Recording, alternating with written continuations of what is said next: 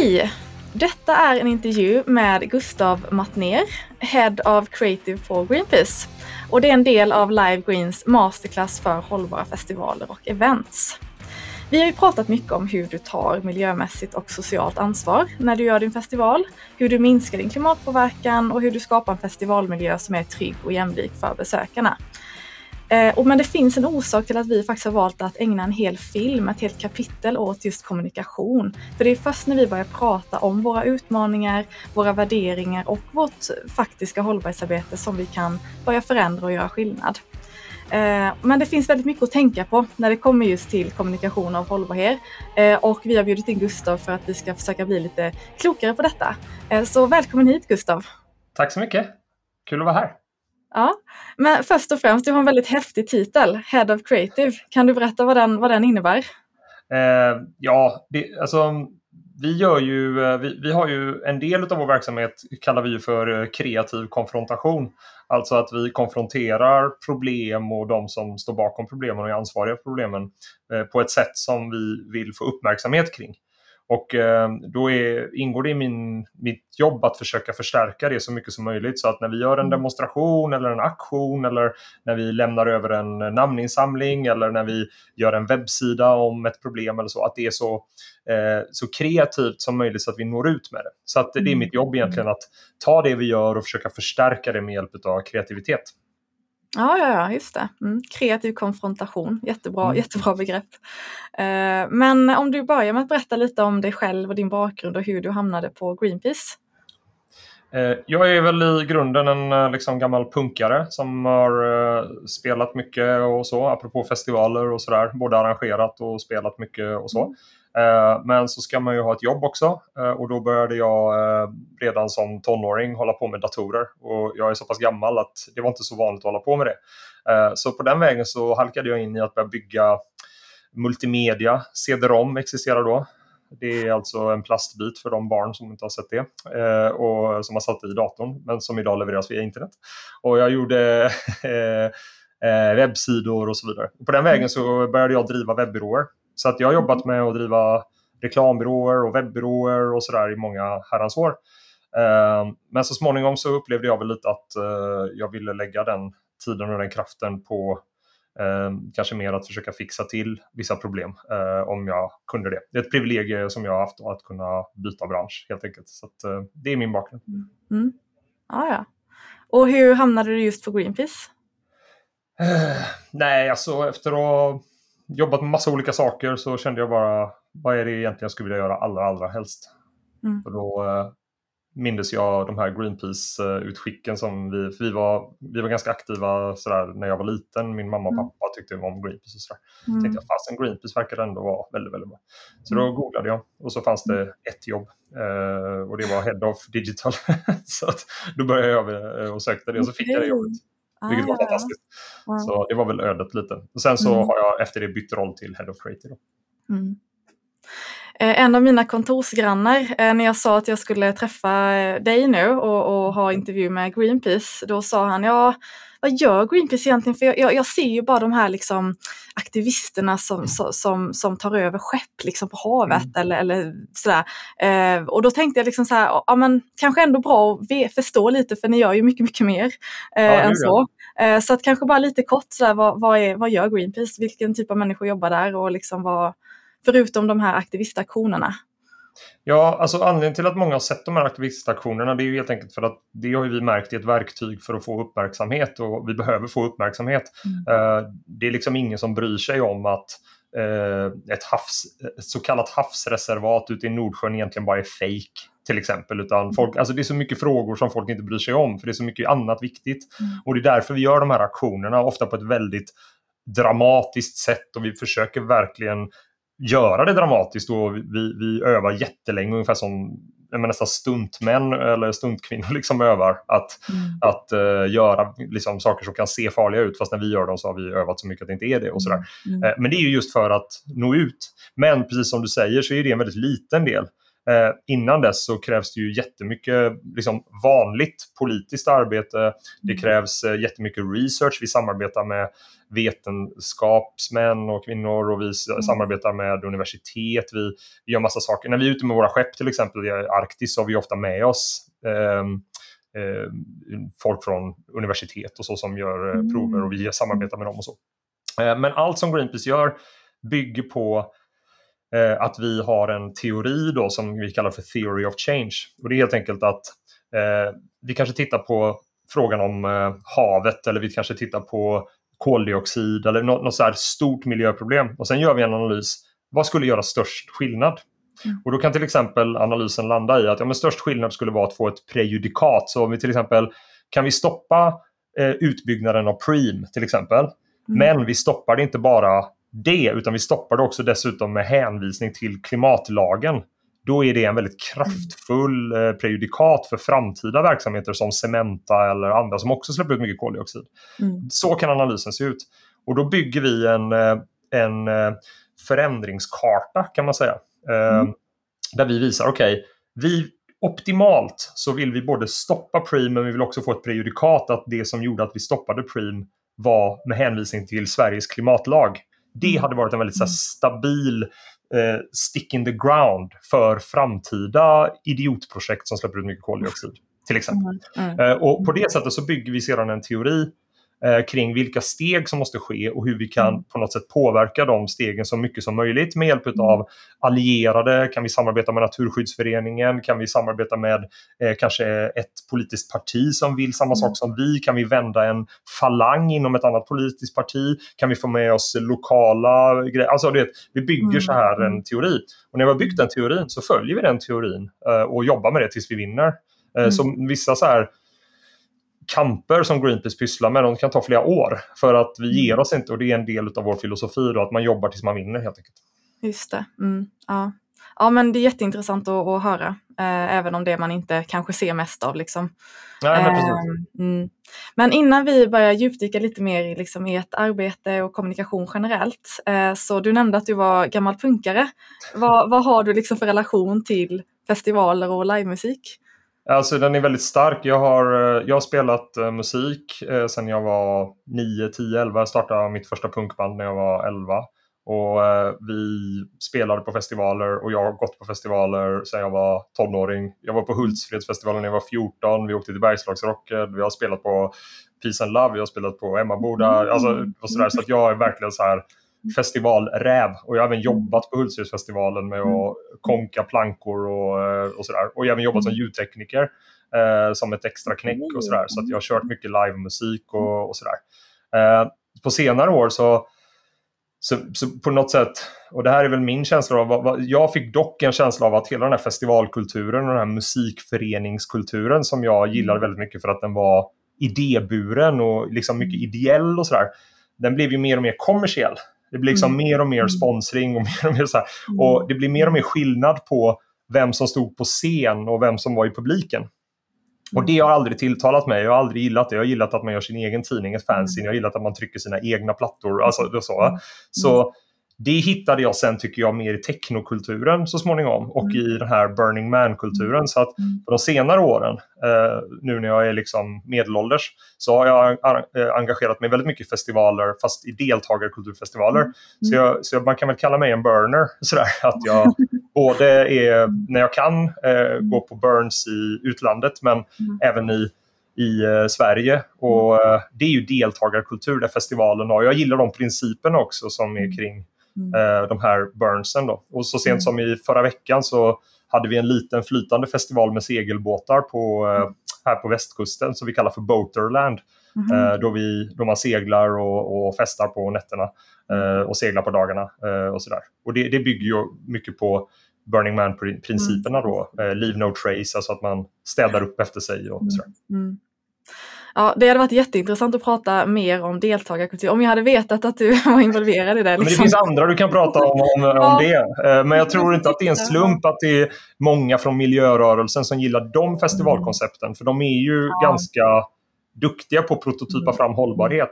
Samtidigt är det ett jävla problem för det är klart att det släpper ut massa elgeneratorer Mm. som drivs Mm. av eh, ibland fossilt och sådär ute i Ja. skogen och sådär. Så det är Mm. klart att det finns problem med dem. Men, Mm. men de är i alla fall intresserade av frågan.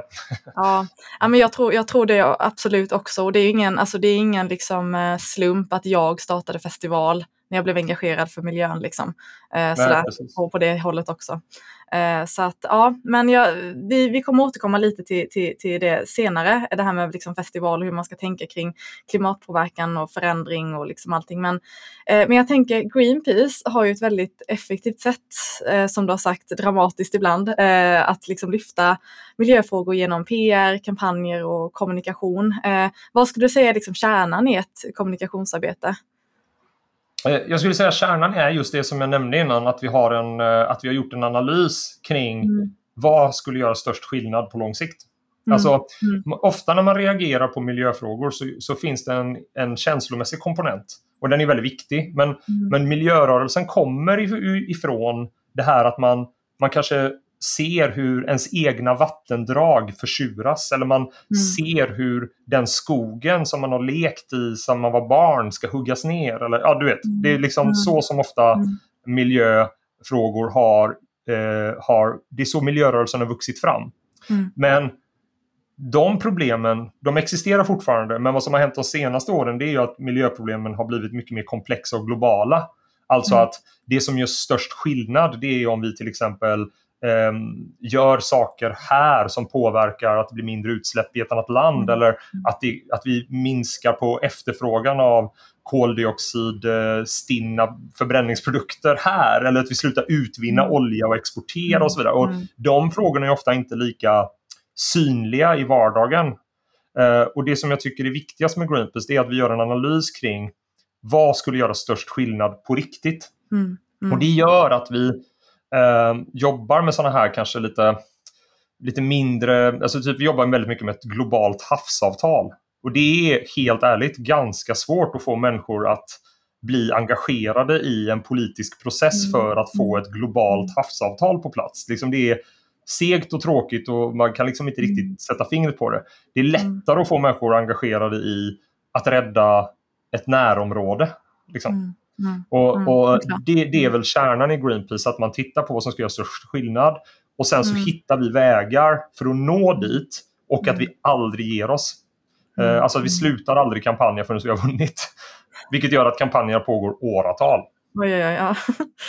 Verkligen, ja, men det kan jag tänka mig. Men kan du berätta om, alltså bara kort, liksom om ett par eh, kampanjer ni haft som har varit liksom extra framgångsrika och där ni faktiskt har lyckats?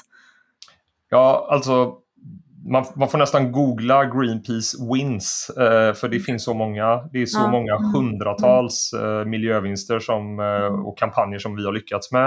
Eh, allt ifrån eh, det absolut första som gjorde att Greenpeace grundade när man fick stopp på kärnvapenprovsprängningarna i eh, Alaska. Det är ju så Greenpeace startade. Och sen Mm. dess har du, har du bara vinst på vinst på vinst. Alltså, ofta är det mindre saker kanske i det lilla men att man till exempel får bort en eh, destruktiv fiskemetod. Till exempel 89 så fick man bort de här driftnäten som var tillåtna. Mm. Eh, och sen så, så småningom fick man bort de här eh, fiskemetoderna där man eh, har el eh, som skrämmer upp botten eh, och så vidare. Alltså man, man har så här, och så att ofta är det väldigt, väldigt många sådana här vinster som, som liksom Mm. adderas på men ofta så öppnar man ju, man sticker ju en kil in. När man har förbjudit en fiskemetod så kan man ju börja diskutera nästa och så vidare. Då. Ja, ja. Eh, och det kan också vara vinster som till exempel att eh, UK, de, har ju, eh, de ska ju förbjuda eh, fossilbilar i England. Och det har eh, Greenpeace kampanjat stenhårt för. Och det, kom, det var ett löfte som fanns. Det löftet har nu flyttats så att det kommer ske tio år tidigare Mm. än vad som var utlovat. Mm. Just för att Greenpeace inte bara slutade kampanjen för frågan utan också ville att det skulle ske snabbare. Så, att, Mm. så här ser det ut då. I Sverige så är ju en vinst eh, som skedde nu, det var ju den jag nämnde till exempel, att vi var en del av den koalitionen som eh, stoppade utbyggnaden av Preems eh, fossila infrastruktur. Man skulle alltså Mm. cracka eh, svavelrik eh, importerad olja från eh, framförallt Ryssland och Mm. cracka den till eh, fartygsbränsle i en ny eh, anläggning som skulle släppa ut Mm. en miljon ton koldioxid extra utöver allt eh, annat då, Mm. med hjälp av vätgas. Eh, och den anläggningen eh, fick man ju inte tillstånd till till sist.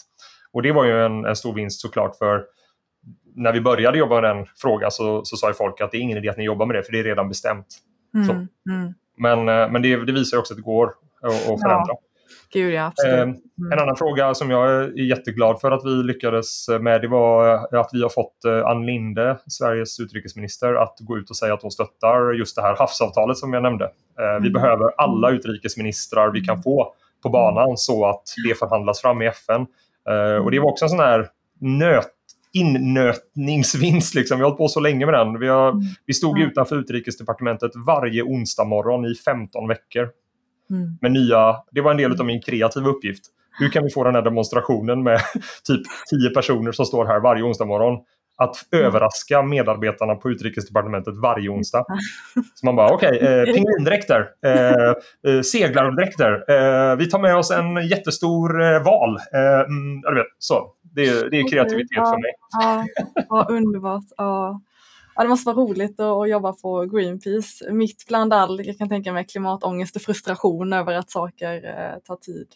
Jag har ingen klimatångest sen jag började på Greenpeace och det tror jag är det bästa medlet. Eh, däremot så är jag förbannad över att det inte sker tillräckligt mycket men ångesten är borta för just nu så känner jag att jag gör det jag kan och jag tror att många skulle kunna reducera sin klimatångest ordentligt genom att göra mer mm. radikala insatser. Ja, och det finns faktiskt studier som visar det också. Eh, och eh, på tal om det här med klimatångest och hur man pratar om de här problemen. Eh, ni har ju väldigt rak, öppen, liksom ärlig kommunikation eh, kring just liksom, klimat och miljöfrågan. Eh, och eh, vissa kallar det liksom alarmistiskt eller kanske till och med domedagsretorik. Eh, och vissa forskare menar ju liksom att det här inte är det bästa sättet för att många människor, eh, liksom, det är inte bra för alla människor. För, för mig funkade det för att jag, jag fick klimatångest och jag valde att starta en festival och göra någonting åt det. Liksom. Eh, men många kanske då istället så här stoppar huvudet i sanden och förnekar problemet och liksom, eh, ja, istället för att faktiskt göra någonting åt det. Eh, så att, hur tänker ni liksom kring, kring det, kring just sättet att, att kommunicera och vilken effekt det får på människor? Alltså jag, jag, jag håller egentligen, egentligen inte med. Jag tycker att, uh, att det egentligen är tvärtom. Att, uh, jag tycker vi borde vara mer alarmistiska. Jag tycker vi mm. borde kommunicera ännu hårdare uh, egentligen. jag tycker att hela kommunikationslandskapet är bedrövligt i att man pratar om klimatförändringarna som att det är en feature. Ungefär mm. som att nu kommer värmen, vad härligt! Och vi kan förvänta oss ännu varmare väder i sommar. Bad! Mm. Alltså, helt ärligt så tycker inte jag att eh, kommunikationen i media eh, eller så speglar verkligheten. Mm. Eh, så att jag, jag, ser inte riktigt det problemet, men samtidigt så, så, ser jag det snarare som du beskriver det, alltså som en rent strategisk fråga. Mm. Eh, skulle vi prata så här, eh, klartext om, eh, om de miljöproblem som vi har och den orättvisa vi har med att en liten, liten, liten procent i världen släpper ut eh, enorma mängder eh, utsläpp och en mm. fattig del släpper inte ut någonting nästan. Mm. Eh, skulle vi prata klartext om det så skulle vi kunna vara mycket, mycket, mycket tydligare. Mm. Men precis som du säger så har det väl visat sig att rent strategiskt så är det smartare att försöka ta det lite sådär så att folk klarar av att svälja liksom, eh, medicinen med lite socker. Mm. mm. Eh, typ. Eh, så därför så är det ju så. Men jag menar Greta Thunberg och hennes sätt att prata det är väl ungefär så som alla borde prata ungefär. Ja. Eh, alltså mm. tydligt och klart och mm. varje mm. gång politiker kommer med ett utspel som inte är på riktigt så säger man det. Det här är fejk. För att det är nästan alltid det. Ja. Mm. ja, men precis. Men finns det något annat? Jag tänker så här om man har en festival och den här festivalen har absolut en påverkan, för det har ju det mesta vi människor gör och inte minst festivaler eh, som ofta liksom ska byggas upp från ingenting eh, och saker ska transporteras och människor ska resa och så vidare. Eh, men så har man ändå liksom man har en påverkan, man har ett ändå hållbarhetsarbete, man försöker göra någonting åt det eh, och man vill inspirera sina besökare och sina partners kanske också. Eh, men vad, vad ska man nog tänka på när man kommunicerar de här frågorna? Eh, och vilka men, fällor är vanligast och hur undviker ja, man? Ja, men där, där skulle jag å andra sidan först och främst vilja vända på det jag sa. Egentligen säga att man kan ju börja med att säga att festivaler är ju inte det stora problemet. Alltså så att man kan ju börja i den änden och säga att, att uh, de stora problemen vi har här i världen uh, har ju inte roten i att människor går på festivaler. Tvärtom. Mm. Antagligen skulle vi ha en bättre värld om folk arrangerade fler festivaler istället för att göra annan skit. Liksom. Så att det, det är en bra utgångspunkt. Att, mm. att man behöver ju inte ha ångest för, för sådär. Det, det är ju inte som att man har så bestämt sig för att man ska börja fracka på ett så eh, hållbart sätt som möjligt. Liksom. Utan man har faktiskt bestämt sig för en väldigt grundläggande mänsklig, eh, ett mänskligt fenomen och det är ju att man arbetar som ett community och när man har eh, byggt upp så att man känner sig lugn och trygg och man har samlat lite i ladorna och sådär så, så samlas man för att ha en typ skördefest eller man samlas för att, eh, för att fira att eh, man har gjort sitt arbete. Eh, mm. Det är ju festivalens roll lite grann. Mm. Och genom att eh, ha det så kan vi prototypa också hur vi vill att vardagen ska se ut efter festivalen. Mm. Jag tror att den, den rollen har festivalen att eftersom festivalen är en lek så kan vi också i leken prototypa hur vi vill att vardagen ska bli. Mm. För alla djur och alla barn, alla människor och så använder sig av leken för att förbereda sig för allvar. Och det är så festivalens roll är. Att den, den ger oss en eh, fri spelyta där vi kan prototypa en bättre värld efteråt. Men det är inte festivalen i sig nödvändigtvis som behöver vara den perfekta världen. För den är mm. mer utav en testbädd, en prototypplats. Mm. Så att säga. Och det är så som jag ser på festivalens roll. Så jag, jag tycker inte att man behöver... Jag tycker att man i första hand när man ordnar festival ska vara radikal i sina idéer kring den för att inspirera världen utanför. Hur blir det efter festivalen? Så om du till exempel ordnar en festival där eh, Inom Burning Man-kulturen så pratar vi ju om leave no trace. Alltså vi ska klara av att ha en mm. fest mm. utan att det ska synas att vi var här. Mm. Vilket innebär att det ingår att alla måste ha en liten plastdosa med sig om man ska röka, så man askar ner i den. Mm. Eh, det innebär att man måste städa festivalområdet tillsammans. Och gör man det så kommer man också tänka på att det kanske är bra att hålla rent redan man måste tänka vilka kläder man har på sig så att det inte är massa sånt där som släpper av massa fjädrar och glitter och mm. sånt där. Eh, och har man glitter så ska det vara nedbrytbart och så. Mm. Och mm. Den här typen av grejer, om man börjar tänka så när man ska ordna en festival, så får man ju med sig det tankesättet sen. Alltså hur kan man ha leave no trace när jag eh, står och, och, gör, alltså ska, ska göra något annat som är min vardag. Mm.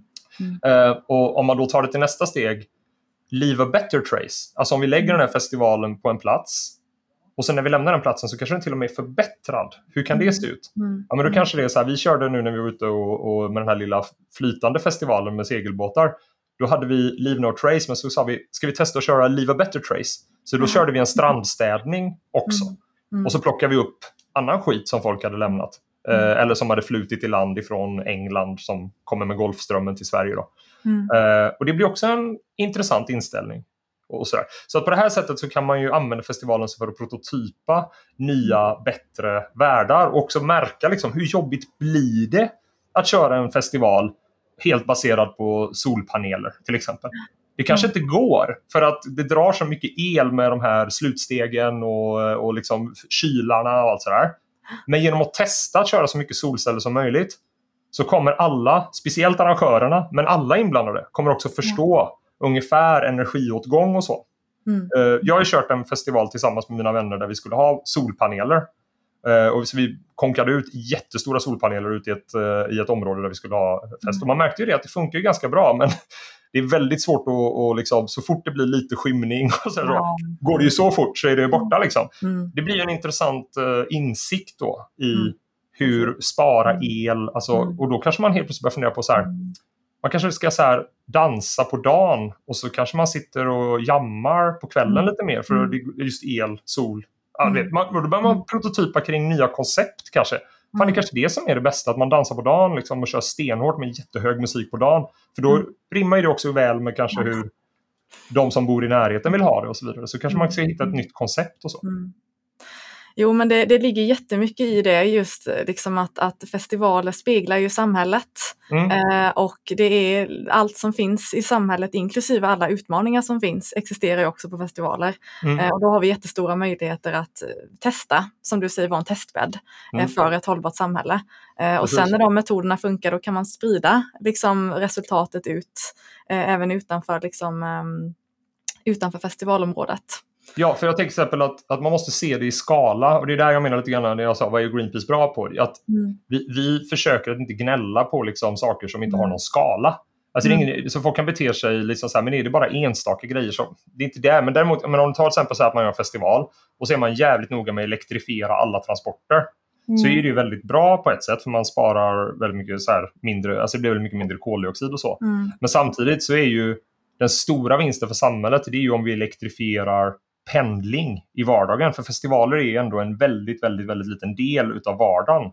Mm. Men å andra sidan så kanske den stora vinsten är att människor märker om de kommer till en festival. Mm. Fastän vilken, vilken eh, fiffig, vad fiffigt det var att samåka med den här appen eh, som vi hade när, när vi sam, i och med att vi samåkte med den här appen mm. till, till festivalen. Mm. Uh, och då kanske det är så här att festivalens stora bidrag, det kanske är att man säger ska ni till den här festivalen, det finns inga parkeringar här så ni måste samåka med hjälp av den här appen. Eller det finns jättelite ja. parkeringar. Ni kommer mm. inte tillåtas och, och kommer ni hit ändå med bil och så, så kommer vi mm. straffa er med bla bla. Eller I don't know, I don't know hur man gör det. Mm. Eh, då kanske den stora vinsten är att man etablerar ett nytt beteende och sen så kommer folk bara så här, ah, det var en skitsmidig app vi använde för samåkning. Uh, den appen borde vi köra mer hemma. Och sen så får man skalan liksom när det går upp. Då. Ja. Jag säger inte att detta är en bra lösning, men jag bara menar som ett tankeexperiment. Ja. Jag är inte säker alls på att man ska köra mappar och samåkning, men jag bara menar, förstår jag menar? Att man ja. tänker det på den modellen att det stora bidraget är att vi prototypar någonting, men mm. skalan måste komma mm. sen. Ja, ja men jag, jag, gillar att du säger det för att det är också en fråga jag faktiskt eh, tänkte lyfta. Eh, för att eh, en festival har ju när den byggs upp och genomförs absolut en klimatpåverkan och den största påverkan kommer ju från alla som reser liksom till och från mm. festivalen om de inte reser hållbart. Mm. Och det är svårt att tvinga folk men man kan göra jättemycket. Eh, Coachella är ju ett exempel där man faktiskt hade så här samåkningspriser så att om, folk, om besökare kunde visa att de faktiskt hade samåkt med mm. en annan festivalbesökare då kunde man vinna ett backstagepass eller mm, annat. Liksom. Eh, så det finns ju jättemycket man kan göra eh, för att påverka. Men, men jag har funderat på just det här liksom, den klimatpåverkan man har här och nu. Liksom. Eh, mm. Om man är en festival med 50 000 eller 100 000 besökare, nu tänker jag stora festivaler liksom, som kanske till och med har internationell publik. Ja, eh, men möjligheten då att inspirera och det finns till och med studier som visar det att när vi människor besöker festivaler är vi extra öppna eh, för mm. att förändra beteenden och normer.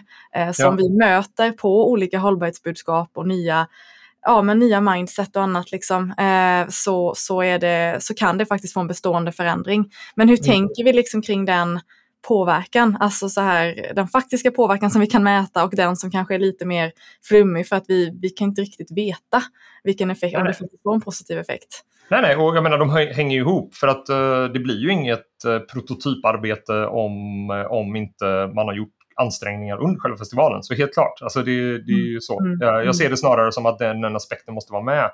Mm. Um, men man kan väl bara, om man ska kort, kortfattat säga någonting om det du beskriver så skulle jag säga att det viktigaste det är ju att man på riktigt försöker planera och designa festivalen så mycket det bara går för mm. att just mm.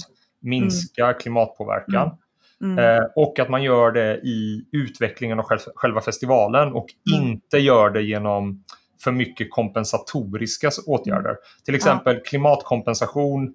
Det, det, är ju något som vi är väldigt eh, kritiska mot på, mm. på Greenpeace och med all rätta tycker jag. Många gör ju inte sin hemläxa utan istället så säger de att äh, vi kör på som vanligt för det är det enklaste mm. och så planterar vi träd i Afrika eller vi stöttar ett mm. vindkraftverk i, eh, i, långt bort i stan. Sådär. Och det, det är liksom ett... Eh, det är, inte, det är inte så man kommer någonstans i de här frågorna tycker jag. Mm. Och det, utan snarare så är ju det som gör skillnaden, det är ju när man på riktigt designar om festivalens, till exempel man flyttar den till en location som är eh, väldigt eh, bra att komma till med tåg till exempel. Mm. Eller att man eh, eh, har ett upplägg där det gynnar besökarna att, eh, mm. att ta en bättre transport eller där man vänder sig till en publik som inte behöver flyga eller, eller mm. så. Liksom. Mm. Eh, och så. Så, att, så att mm. mer så skulle jag säga är väl den, att man mm. går på riktigt på, ja. Eh, på, på liksom festivalens kärna och försöker förflytta den. Då. Ja, och där har väl stadsfestivaler delvis faktiskt ganska, är väl ganska bra på ett sätt för det är ju ganska bra kommunikationer. Det är ju många som åker tåg till stadsfestivalerna då. Ja. Äh, ändå. Så. Ja, sen är det många stadsfestivaler som jobbar väldigt mycket med alltså just att attrahera personer från andra, mm. andra städer och andra länder. Kanske till och med att man gör det mycket med turist, alltså kanske lika mm. mycket för att attrahera turister än för lokalbefolkningen. Liksom. Ja, precis. Precis. Men, de, men, de, men, de lokala, mm, men de lokala festivalerna som har fokus på lokal publik är ju de mest hållbara utifrån det. Liksom. Mm. mm. Samtidigt så, eh. så, vill man ju få den här effekten med möten och man, vill kanske, man kanske mm. vill mm. också att festivalens poäng ska vara att man ska kunna träffa någon mm. som kommer ifrån ett annat land. Och eftersom mm. vi måste lösa problem tillsammans mm. så är det inte så dumt att få vänner från andra länder och, och sådär. Så det är det jag menar att det är en, det är en och, och dessutom festivaler kan inte heller ta ansvar helt liksom för att eh, regeringen ger 5 miljarder till SAS och eh, endast en miljard till det eftersatta Banverket, alltså 5 miljarder extra förra året. Alltså, mm. Ska, ska liksom alla festivaler kompensera för att vi har en politik som är helt vansinnig? Det går inte heller riktigt. Så att, eh, det, det, är ju så här, det viktigaste är ju just, tror jag, snarare att man... Det kanske, kanske absolut bästa, det är att festivalen är tydlig med att de kritiserar regeringen för att de inte har byggt ut tågnätet och att man mobiliserar de 10 000 personerna som är på plats i en politisk aktion mot det här mm. vansinniga att vi pumpar in pengar i lokala flygplatser mm. och, och sådär, istället för att bygga ut tåget.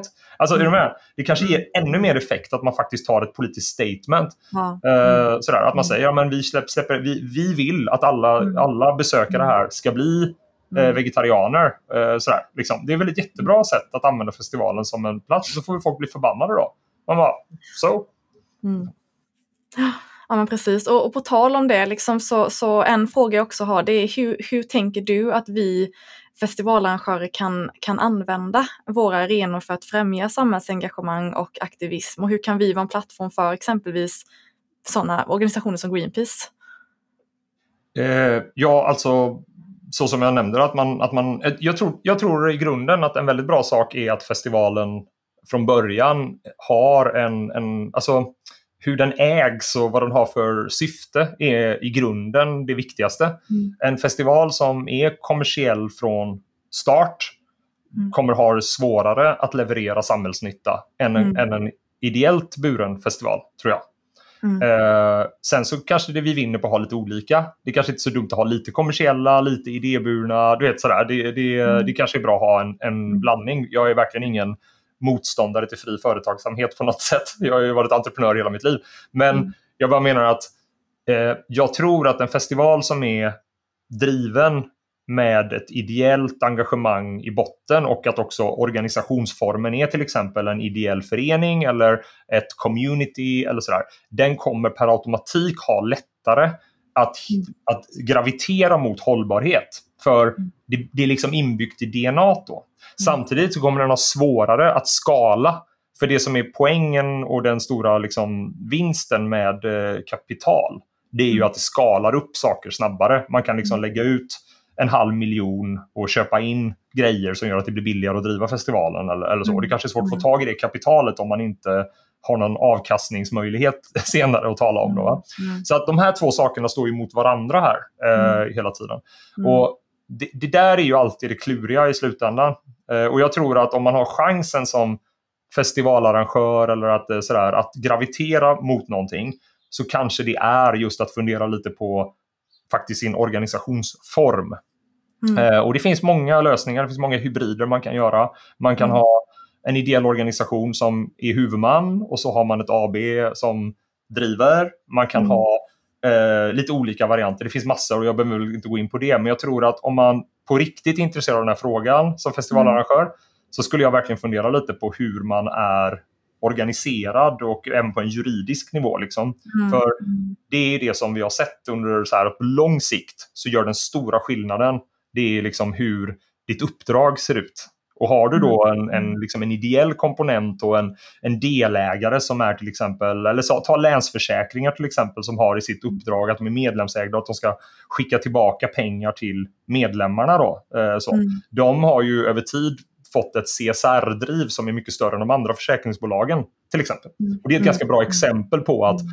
det är inte så att de har gjort en analys av att CSR-kommunikation är den bästa reklamen. Mm. Utan det är att de har ett uppdrag och därför har de blivit väldigt bra på CSR. Liksom. Mm. Uh, Corporate Social Responsibility betyder CSR, mm. förlåt att jag slänger mig med förkortningar. Uh, och det, det, tror jag är liksom en, en del av det man verkligen ska kolla på. Mm. Men sen när man kommer till nästa nivå, då, okej, okay, vi har vad vi har. Vi har den här festivalen och det är de här som driver den. Det är ett aktiebolag, det är det bla bla. Där någonstans, ja men då får man börja titta på mm. alla de andra delarna och då, då får man ju såklart titta på tusen mm. och en saker. Mm, ja. Men har, har, du något exempel på hur ni har samarbetat med festivaler eller om ni har använt en festival som en arena någon gång för att lyfta Ja, det har ni säkert gjort. Men... Ja, absolut. ja. Uh, vi har ju festivalen ofta som en möjlighet att uh, nå uh, nya målgrupper och, och, också fördjupa kommunikationen med, med, och relationen med de som stöttar oss. Mm. vi har varit på California till exempel i Varberg som en sån surf... Eller heter, inte California, vad heter den? Jo, den heter, ja, den heter det va? Jo, det gör den. Ja, det stämmer. Ja. Ja. det var lite innan min tid, jag har inte varit på Greenpeace så länge, men där var vi. Och då, då kan man ju vara där och så kan man ha liksom en strandstädning tillsammans med surfare. Man kan prata om mm. havet för det är väldigt lämpligt där nere. Mm. Och så är det mycket människor som är ute och rör sig i sommarsverige och så kommer de dit och så ser de bara åh, där är ju Greenpeace och så kanske de är månadsgivare. Vi har 150 000 månadsgivare på Greenpeace eh, i mm. Norden. Och det är klart att det gör ju att chansen är väldigt stor att man springer in i någon som är månadsgivare. Och de har ju chansen att prata med dem och så. Så att vi ser ju ofta arenan som en möjlighet att fördjupa en relation med någon som vi redan, som redan känner till oss. Ehm, och att eh, kanske ta en specifik fråga.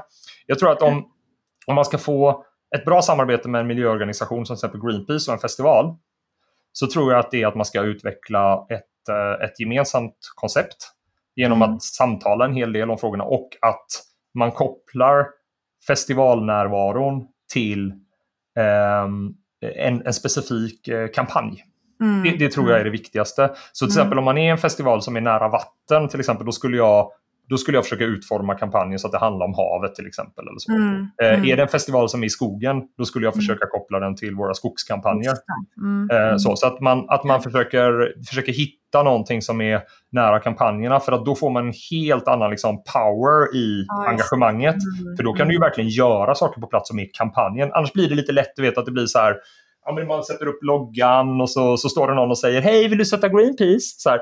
Och det är väl inget fel med det men det kanske inte blir riktigt den där du vet att det, det är ganska coolt att kunna ta folk som så spontant får vara med och inventera en mm. skog eller mm. ja men hallå, häng med, häng med, vi har suppar, vi drar ut och städar och så får man hänga mm. med en timme och städa samtidigt som det står en artist och underhåller och gör en hemlig spelning för alla som eh, hängde med och städade en strand. Till exempel. Det hade varit ett ganska roligt koncept. Man bara, jag såg, eh, fan, bara Miss Li dök upp helt plötsligt och var med och städade stranden med oss. Sen jammade vi och det fick jag bara för att jag hjälpte till. Alltså den typen av koncept är ju oändligt mycket häftigare än att bara stå i ett partytält och försöka få eh, folk att signa upp. Liksom.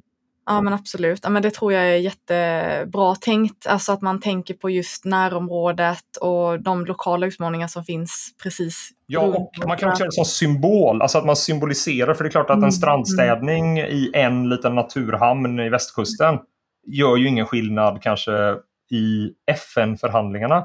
Men det är någonting när folk mm. gör det och sen så skriver de sin protest och sen så skickar mm. man det skräpet tillsammans med ett av våra mm. skepp. Och så delas det mm. ut inne i, eh, i FN-förhandlingarna och så står det så här liksom någon femåring som har skrivit, eh, så här, fått hjälp att skriva sitt namn på en bit plast. Så här. Då blir det helt plötsligt en symbolisk stark aktion. Så där. Och så har vi jobbat till exempel, gjort strandstädning där vi har låtit människor få välja en bit skräp och skriva sin protest. Och sen så ja. gjorde vi en utställning utav den på centralstationen. Och så fick mm. vi vår utrikesminister att komma dit. Och så såg mm. hon liksom varje skräpbit som vi hade gjort hela den här utställningen hade mm. en persons personliga protest mot att inte vi gör mer för mm. havet. Mm. Och så kan man ju jobba med kreativitet, engagemang och så vidare så man får ihop det där då. Men mm. däremot den politiska analysen det är ju att du, du får inte bort plastutsläpp bara för att du får ett starkt havsavtal. Det är ju sanningen. Men däremot så symboliserar det eh, eh just hur vi människor relaterar till havet och att mm. politiken måste göra någonting. Och det är där jag tror mm. liksom att festivalen har lite den liksom hybriden mellan att vara på riktigt ja. men också en symbol för något annat.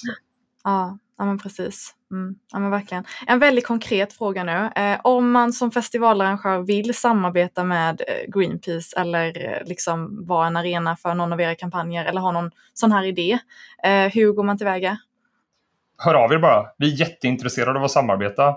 Det är bättre att bara höra av sig utan idé. Mm. än att komma. För att ofta så blir det så att det är ganska svårt att få matchning. Så det bästa ja. är att säga så här. Hej, vi är en festival. Vi ligger här. Vi har de här ambitionerna. Vi skulle vilja samarbeta. Vad vill ni? För att då kan vi ofta säga vad kul att du hör av dig. Just nu mm. så fokuserar vi på att få ett fossilreklamförbud. Mm. Så vi skulle gärna vilja göra detta på det här sättet. Eller mm. just nu fokuserar vi på det här. Så vi skulle gärna göra detta så. Så det är mm. mitt, uh, mitt tips. Att, ja, uh, att ha liksom ett öppet sinne och bara mm. säga ska vi bara prata lite och bolla lite tillsammans. Det brukar ofta vara det bästa. Än att komma liksom med vi vill att Greenpeace kommer och så ska ni ha klättrare som klättrar upp samtidigt som vår huvudakt går på. Alltså, då blir det så här. Ah, jag vet inte. Vi klättrar gärna men kanske inte på kommando. Nej, nej, och det råder ju ingen brist på idéer inom Greenpeace så det är kanske bättre att spåna dem. Nej, och framförallt så är det att det måste liksom vara en passform mot våra kampanjer för vi, för vi har väldigt lite resurser. Mm. Så vi väljer väldigt, väldigt, så här, väldigt så här, petigt med vad vi gör. Mm. Just för att vi kan inte mm. slarva bort människor. De ger mm. liksom, vi, vi får inga pengar från några företag, inga stater. Vi får bara pengar från helt vanliga människor som ger en liten slant varje månad. Det är så vi finansierar. Så att vi måste alltid tänka på att det är lite utav kanske en förskollärares lön som vi spenderar när vi spenderar tid på något. Just det. Yes, men vi ska prata lite mer om just eh, kommunikation och jag vet att du är lite expert på det som kallas för greenwashing. Eh, så kan inte du bara först hjälpa oss att reda ut eh, begreppet vad är greenwashing och vilka konsekvenser kan det få? Greenwashing är när man använder sig av hållbarhetsargumentation eller sådär på ett vilseledande sätt för att få kommersiella fördelar. Kan man säga. Så att till exempel att man eh, vilseleder kring sin klimatpåverkan. Man kanske säger det här är klimatsmart mm. eh, och så är det egentligen inte det. Eh, eller att man, eh, man laborerar med saker som är svårt för konsumenten att, eh, att se proportionerna i. Mm.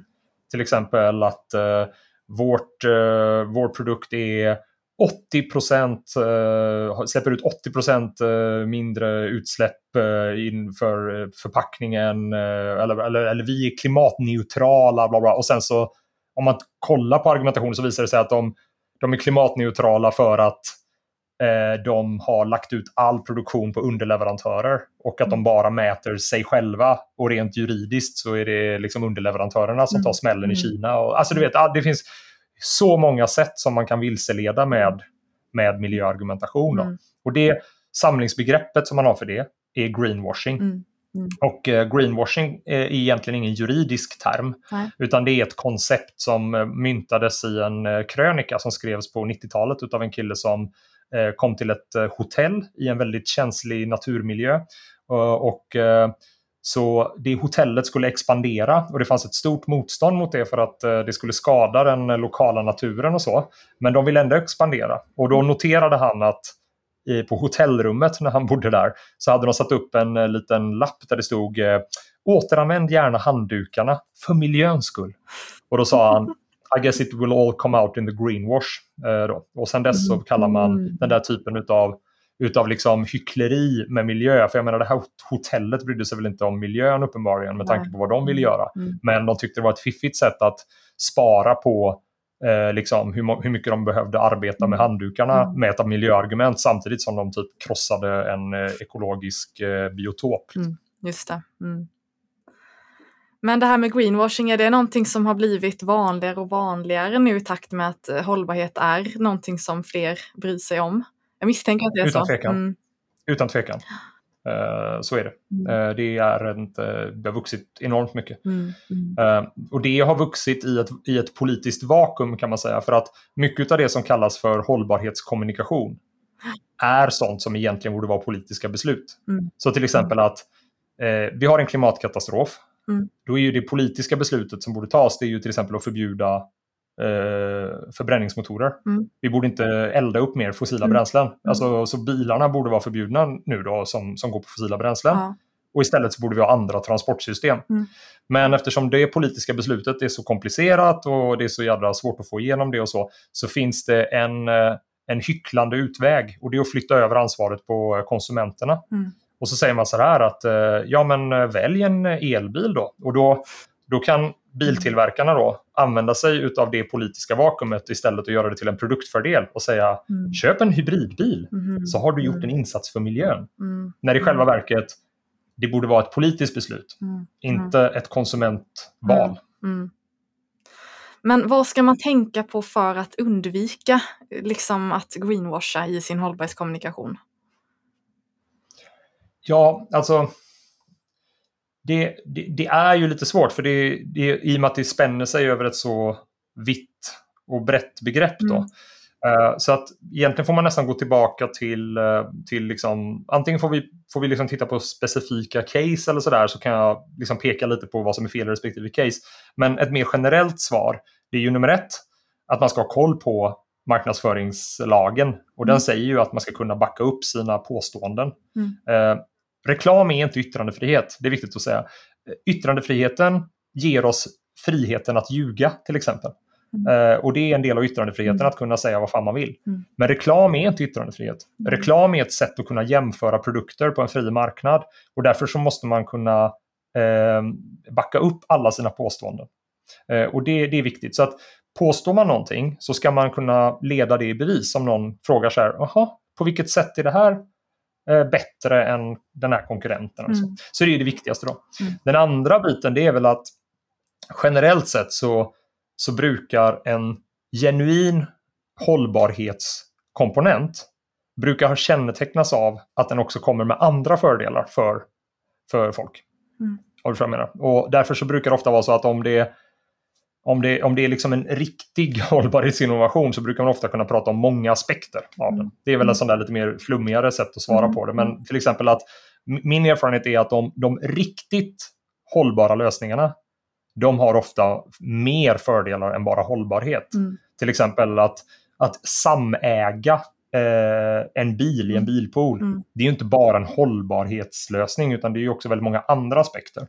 Eh, men däremot när det bara är hållbarhet liksom som, eh, som vet, kommer in och i övrigt så, så brukar det kanske ibland vara så här, ja vi planterar Mm. träd i Afrika för att kompensera för, alltså det är Mm. kompensatoriskt. Mm. Mm. Eh, och då är det ofta greenwashing. Just det. Mm.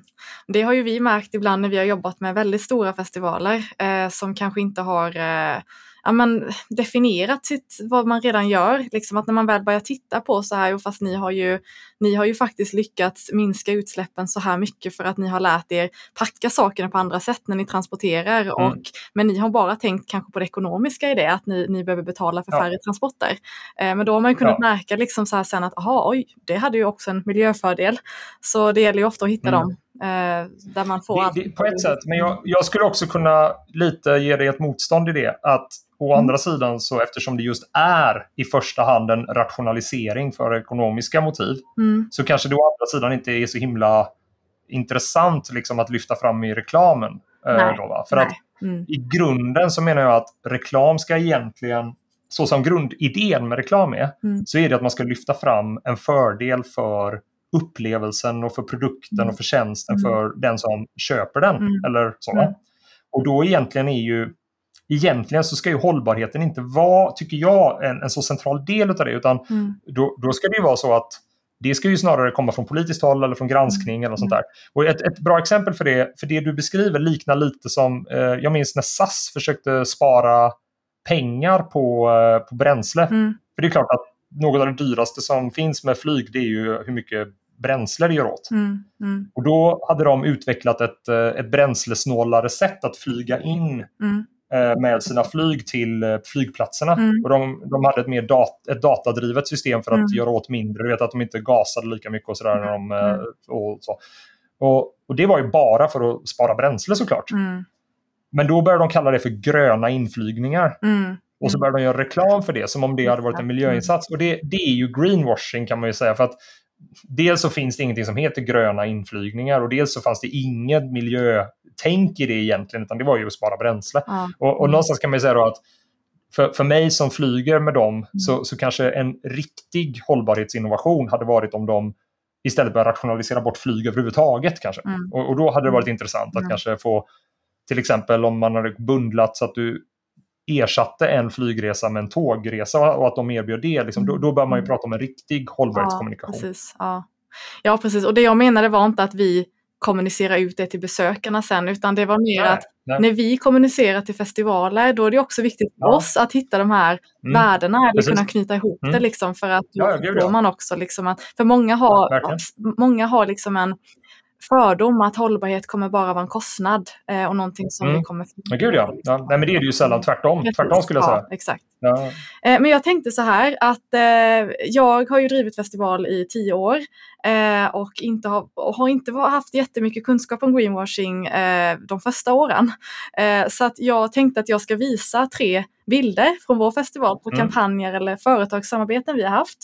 Eh, och, eh, för det är också viktigt att vara transparent och förstå att alla har nog gjort misstag inom, inom just hållbarhetskommunikation eh, om man inte har varit lika insatt som, som du är. Eh, Mm, mm. och du får vara brutalt ärlig eh, med att liksom säga om det här är greenwashing eller ja, men bara resonera lite kring, kring det här och, och vad man hade kunnat tänka annorlunda och sådär. Och jag har ju valt ut de här exemplen för att jag tänker att vissa kanske faller inom kategorin greenwashing. Eh, vi ska börja med den här eh, bilden på elbilen. Jag står framför en elbil som eh, vi blev sponsrade med under två år. Eh, där vi liksom då, ja det, det ser man inte på bilden men på baksidan står det vi kör grönt med och sen det här bilföretagets namn då. Eh, och jag kan säga att det här var precis när elbilen började bli mainstream och slå igenom så vår ambition med detta var ju att visa att kolla det finns elbilar eh, och liksom eh, de är jättekola och jättetysta och ja, liksom använda vår festival för att också lyfta, lyfta fram detta. Så vad tänker du om ett sånt liksom samarbete? Nej, men det är väl kanon. Alternativet hade väl antagligen varit att ni inte körde med elbil. Så att, eh, och om man då kan få ett sponsorsamarbete, lyfta fram att den här elbilen finns och vem det är som levererar den. Jag, jag, jag ser inget problem överhuvudtaget med det. Eh, problemet är väl snarare om ni i andra änden eh, eh, gör saker som, som kraftigt motverkar det, så att säga. Mm, Eh, ett exempel som liknar detta kanske, som mer i greenwashing, det är att om man tar Skistar som har eh, stora fjällanläggningar. De har gjort en väldigt stor grej om att de har eh, pistmaskiner som går på el. Och eh, det gör de, det, deras hållbarhetschef är jättestolt och lyfter fram den pistmaskinen och så. Samtidigt så driver Skistar ett stenhårt lobbyarbete för att de ska få öppna en ny flygplats Mm. så att människor kan flyga Mm. till sin eh, skidsemester. mm, Och jag tror att jag, misstänker att eh, du skulle behöva pista eh, liksom i en livstid för att ens komma i närheten och kompensera för ett år utav flyg till, till liksom, förstår du vad jag mm, menar? jag förstår. Och då, då är ju det är ju fortfarande bra med pistmaskiner som går på el. Mm. Det kan ju ingen säga. Mm. Men jag tycker Skistar greenwashar med sin pistmaskin. Mm, För ett företag som samtidigt vill öppna en ny flygplats, de ska bara hålla sig borta från allt vad grönt och klimat och så heter. Mm. För de är bara Mm. stora, stora bovar. Mm. Liksom, Mm. som. De borde driva tåg. mm, Punkt. Mm. Det finns inget annat sätt som man ska ta sig till fjällen, tycker jag. mm, Eh, det finns tåg och det finns möjligheter med tåg. De borde bygga sina anläggningar i anslutning till tåg, Mm. om de nu menar allvar. det. Och det är där jag menar lite grann att ofta så är det inte själva den insatsen, utan det är hur den insatsen relaterar till den övriga verksamheten. Mm. Så att om ni elektrifierar allt Mm. ni bara kan Mm. och en utav de symbolerna för det är den här bilen, Mm. då är det inte greenwashing. Just det. Jag förstår. Eh, sen har vi den andra bilden. Då, då har vi eh, tre modeller här från vår Recycling Fashion Show. Där unga designers gör kläder varje år av återvunnet material. Eh, och då kan jag lägga till att eh, för er som lyssnar på den här intervjun och inte ser den så är det alltså en tjej som har en klänning som är gjord av eh, gamla chipspåsar, en som är gjord av gamla Red Bull-burkar och en som är gjord av Arla-kartonger. Eh, och jag kan också lägga till att vi har inget samarbete med de här företagen. De har inte betalat för detta för att synas i den här fashion showen. Och vi har inte lagt oss i vad, des- vad designerna använder. De får liksom använda vilket material de vill. Men vad skulle du säga om det här? För det här är också kanske tre varumärken som inte är så hållbara, eller vad man ska säga. Nej, precis. Alltså det är svårt att säga. Det här är ju mer utav ett uh, konstprojekt. Uh, jag kan å andra sidan, jag har svårt att se hur detta skulle kunna inspirera någon att, eh, att liksom eh, alltså göra någon, någon stö- alltså, är med? Att det är lite så här skulle folk börja göra kläder utav eh, de här förpackningarna? Det är nog ganska svårt. Eh, det är svårt att få skala i det. Mm. Eh, ja, liksom, det, det är så här, så för mig, men samtidigt är det ju, det är ju mer utav konst. Liksom. Det är Mm. häftigt och intressant och, och sådär kanske. Men, men det är ju liksom ingen... eh, Jag skulle inte dra för stora miljöväxlar på det, för jag har Nej. svårt att se vad det är. Det är ju mer av ett konstprojekt Mm. och, och sådär. Eh, så att, ah, jag vet inte. Jag skulle inte dra hållbarhetskortet på detta eh, egentligen. Mm. Eh, utan det, det är ju intressant konst Mm. möjligen. Mm. Då. Mm. Det, det skulle jag säga om, om det här. Och, och sen är det väl så här att där återigen för att ta, dra samma greenwashing-modell som jag gjorde på bilen Mm. så är ju liksom det, det som gör att det här eventuellt skulle kunna bli greenwashing på riktigt eh, snarare än bara så här ja, ja. Det är väl om ni samtidigt säljer mycket merchandise. Ni säljer Mm. kanske t-shirtar Mm. och du vet, Mm. tygväskor och sånt där Mm. som inte är eh, liksom återbrukade och sådär. Eh, så. Mm. Det, då blir det ju väldigt Mm. så här, då blir, då blir, det är typiskt greenwashing då. Ja. Att, ah, ja, här har vi något, någon konstnär som så visar upp att ah, vi kan göra utav återvunna mjölkförpackningar och sen så står det någon i ett eh, tält lite längre bort och säljer 800 t-shirtar Mm. som är gjorda av Fruit of the Loom i Mm. Kina Mm. med, eh, med liksom, eh, vidriga arbetsförhållanden Mm. och eh, icke-ekologisk eh, bomull som Ja. har skeppats hit. Mm. Typ. Ja, precis. Jag kan lägga till att vi, vi har inte sålt merchandise. Nej, nej, men jag bara Ja. menar att det, det, det, det, det, jag, det är helt med dig, men det, det är snarare så skulle jag säga Ja, som precis. då skulle det börja Mm. sticka i ögonen Mm. kanske lite. Ja. Men att, att ha konstnärer som, som leker med Mm. förpackningar, det är väl så här, Mm. ja, ja, det kan man göra, det är kul. Det är lite roligt. De har väldigt fina bilder, det var väldigt fina klänningar. Ja, precis. Men och sen sista bilden här då. Eh, här har vi ett samarbete vi hade med eh, Subway.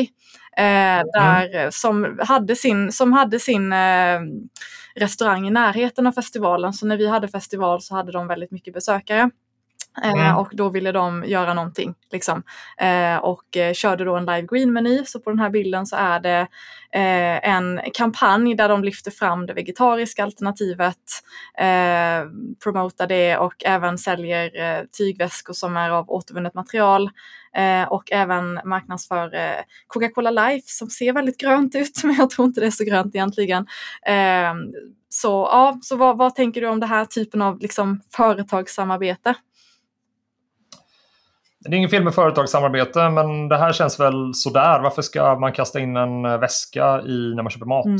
Eh, risken skulle jag säga är överhängande att eh, folk här har fått en tygväska de egentligen inte behöver. Mm. Och eh, i slutändan så kvittar du hur ekologiskt och bra det är. Det är Mm. alltid en påfrestning att eh, skapa, eh, skapa en tygväska. Då. Mm. Och då kan man fråga sig, det här är ju typiskt skulle jag säga, ett sånt där Alltså inte så jävla vettig grej att göra. Mm. För att det enda anledningen till att man kastar in en tygväska här Mm. eh, tolkar jag det som är för att man vill förbättra eh, deras exponering. Man Mm. vill att deras varumärke ska synas. Mm. Så att de har alltså en kommersiell anledning till att kasta in den här tygväskan Mm. i leken. Mm. Och därför så prånglar man ut kanske hur många, hur många mil säljer de?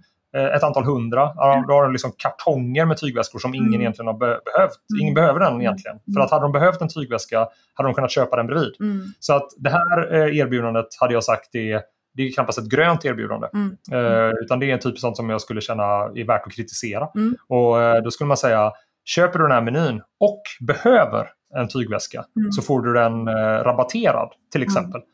Så får man se hur många man säljer. För då hade du antagligen sålt betydligt färre. Mm. Men du hade å andra sidan fått eh, den faktiska behovet mer. Mm. Eh, då. Och om då dessutom tygväskan är lite så här halvsnyggt designad Mm. eh, så hade det blivit straffat. Mm. Medan här så tar man, man, man, om man får det gratis så tar man även en ful Mm. tygväska. Ja.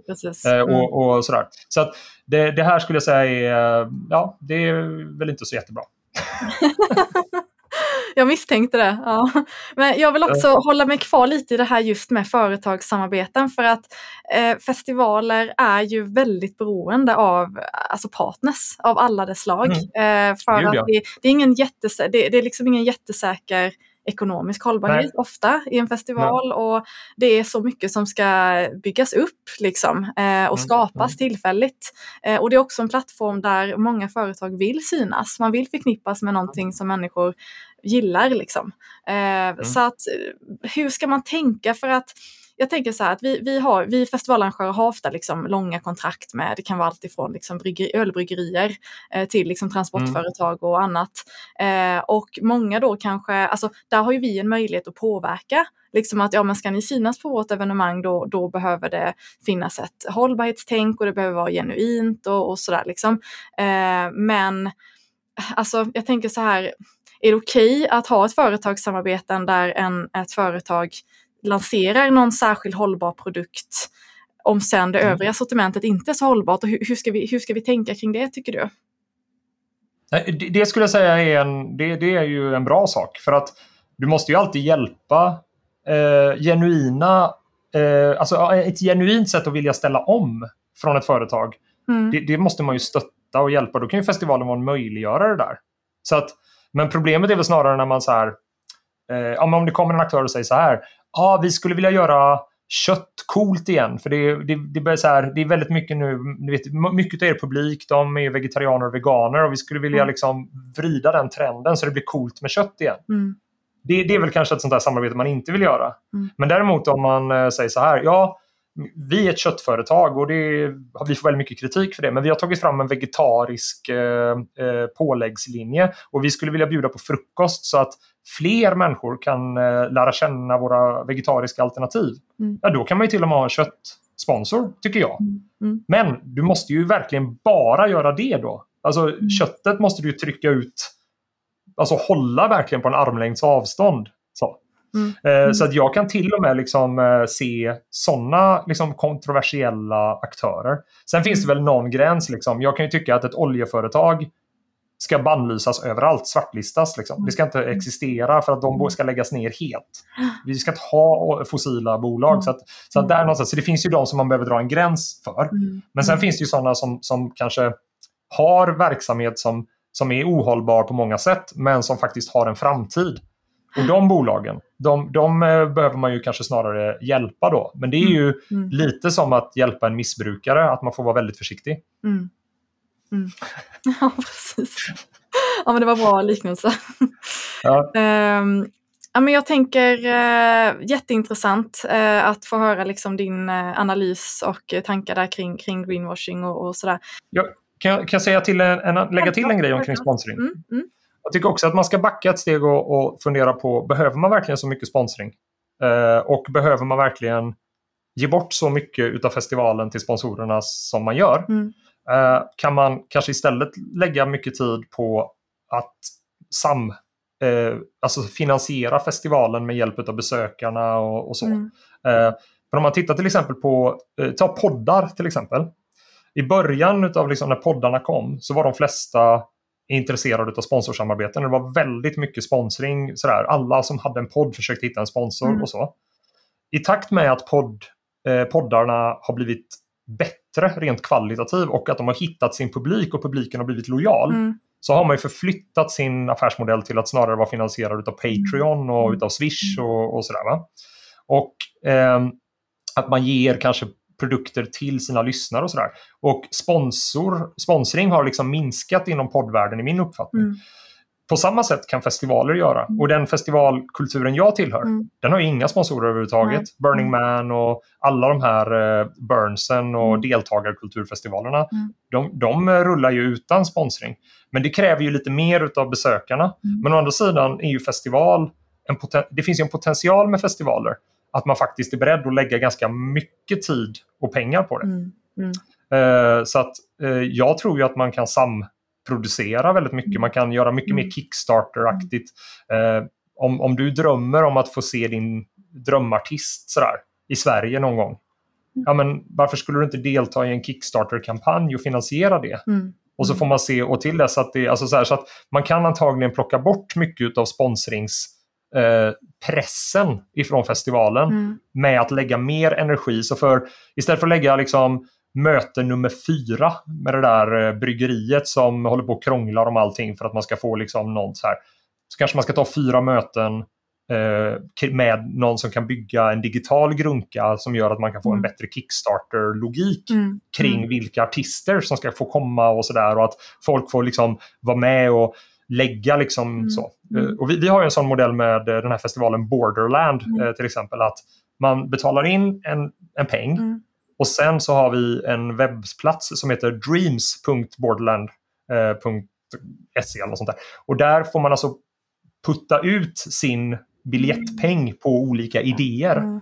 Och så, så jag kan skicka in att ja, men jag skulle vilja bygga ett, eh, en, ett litet spa. Mm. Kanske jag säger då. Så jag skulle vilja ha en liksom, badtunna och lite sådana saker. Och den kostar eh, 25 000 att eh, realisera Mm. för jag behöver köpa det, det, det, det. så. Mm. Och då så lägger man ut den och beskriver den. Och sen så om folk är sugna på att ha en badtunna på festivalen då kanske många klickar i att de ger, de kanske betalat 400 Mm. kronor och då kanske de lägger 20 kronor på min badtunna och sen lägger de 50 kronor på fräschare toaletter. Och, Mm. Alltså de Mm. plottar de ut hur de vill ha sin festivalupplevelse. Mm. Och då kan jag ju bli superfinansierad. Jag kan ju få ett så här stretch goal. Jag kanske får 50 000 för folk är så Mm. jädra sugna på den där spatunnan. Då. Och då Mm. kanske jag gör det med mina kompisar och så tar vi en liten eh, sweat lodge bredvid för folk verkar ju tycka det här spa verkar jättekul. Mm. Mm. Och så vidare. Så att den här typen av logik tillåter ju digitaliseringen på ett sätt som aldrig har gått förut. Ja, precis. Mm. Ja, men det, det är jättebra. Jag, jag tänker att man får ju en helt annan kontakt och förståelse för sin publik också om man har den, Ja. Eh, liksom bygger den relationen eh, redan inför. Precis. Och kanske en förståelse för vad som är vad som är lätt och vad som är svårt. Och så, Ja. för många Mm. besökare på festivaler de är ju liksom så här, wow, de bara liksom glider runt och förstår kanske inte Mm. att det här är inte så himla lätt att lösa. Medan folk kanske överskattar liksom, Mm. vad, vad man betalar för något annat och så. Mm. Så genom att involvera dem så får man också en förståelse. Och kanske också i bästa fall lite av ett ägandeskap. Mm. Så att man känner att man lite tar hand om den där badtunnan. Liksom, att man kanske inte då eh, beter sig hur som Nej, helst. Och så. Nej. Sen är det klart, när folk är fulla gör de väl idiotiska grejer ändå. Men, men ni fattar. Liksom. Ja, jag fattar. Jag fattar ja. Det är svårt att få finansiering för extra vakter kanske. ja, precis. Det får man liksom lägga Ja. utanför. Man får ha en liten pott till det där som... Så. Det är nödvändigt, men som kanske inte liksom engagerar Ja, exakt, exakt. Ja, precis. Nej, men så Ja, är det. Och det, och det har vi ju sett om man tänker bara på tal om det här med vakter och trygghet att när det var väldigt mycket skriverier om sexuella trakasserier och övergrepp på festivaler eh, då blev det ju extrem deltagarkultur eh, när det kommer just till liksom att vara trygghetsvärd och vilja bidra till Mm. tryggheten på festivaler. Eh, det sköt ju höjden liksom. Så Ja. att, mm, så absolut. Ja, men så är det ju och sådär. Och så kanske det sjunker undan och så kommer något annat och sådär. Mm. Och som festivalarrangör så måste man kanske ansvara för att balansen upprätthålls. Men Ja, att ta en, liksom en andel av biljettpengen och göra den till en, någonting man kan klicka runt och så kanske Mm. en variant. Då, men att man tar större delen av biljettpengen till det som man faktiskt måste leverera. Och så, Mm. det finns ju alla varianter. Och jag säger inte att detta är en patentlösning, men jag bara menar att det här kanske kan inspirera till att tänka nytt. Så man inte hamnar i det där liksom klassiska, okej, festival, en person eh, med hjälp av några andra sätter hela programmet, några går bara och letar sponsorer, Mm. biljettpris, och så sitter man och biter på naglarna och Mm. har inte en aning om hur det kommer gå med biljettförsäljningen. Alltså den modellen är ju egentligen lite omodern. Det är ja, ju bättre att bygga en festival. Jag menar, se på Emma Knyckare, hon byggde ju en festival som utgick ifrån en tweet. Liksom. Borde vi inte ha en festival för tjejer? Mm. Så man slipper den här jävla skiten. Och som du liksom sa. En tweet och alla bara ja, jag vill gå. Och så ser man bara på tweeten och så utifrån det så byggde de den där Mm. festivalen i Frihamnen i, i Göteborg. Mm. Ja, så kan man ju också göra. Ja. Man börjar där. Ja. ja men absolut och då behöver man inte heller gissa och kanske då gissa fel på vad besökarna precis. kommer vilja ha eller uppskatta. Ja.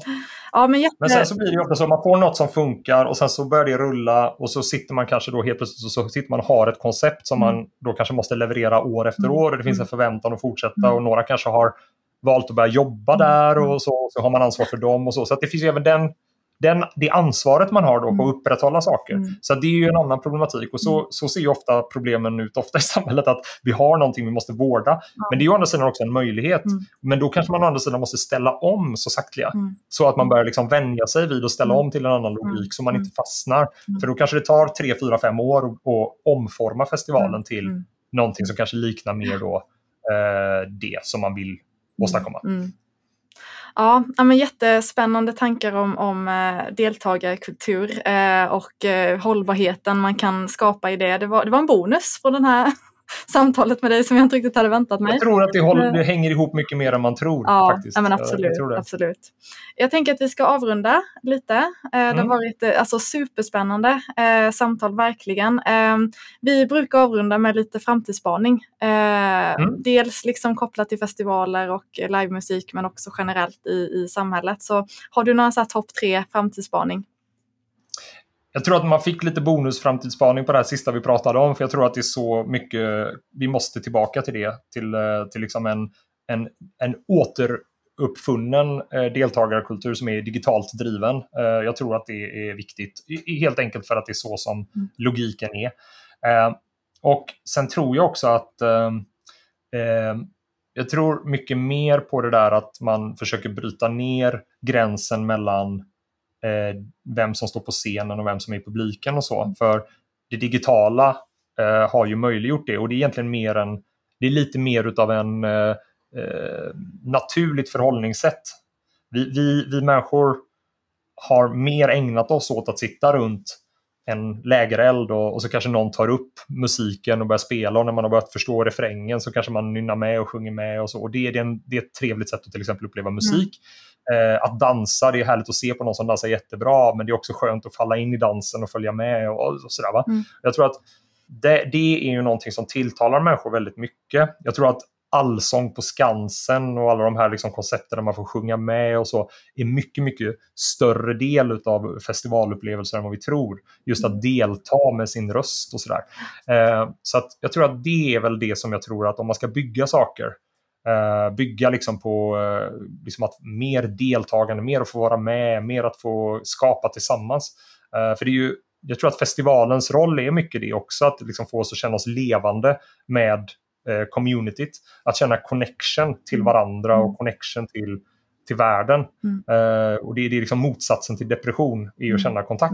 Mm. Och jag tror att det är där festivalen har en, har en sån viktig roll. Eh, så jag tror att att det är mycket där man ska, ska liksom, eh, söka mm. eh, de framtida liksom, modellerna och koncepten. Mm. Mm. Ja. ja, men jätteintressant, verkligen. Um, men eh, ingen annan framtidsspår. Jag tänker kopplat till hållbarhet. Finns det någonting du tänker här eller liksom klimat och miljö kopplat till festivaler? Alltså, det, vi är en, mitt i en klimatkris. Vi har, eh, vi har, det, är en, det är en väldigt, väldigt utmanande situation som vi är mitt i. Um, att, jag menar, vi, vi uh, det, kommer bli, det, vi måste förbjuda förbränning av fossila bränslen. Vi kan inte elda biobränslen. Vi, vi kan inte hugga ner skogen. Alltså det, gör vi det så, så har vi inte så mycket resurser kvar. Mm. Så att det måste man ju, ska man bygga sin festival för, för framtiden så, så kan man ju inte utgå ifrån att festivalen bygger på att uh, den ska förbränna saker. Mm. Det, alltså till exempel.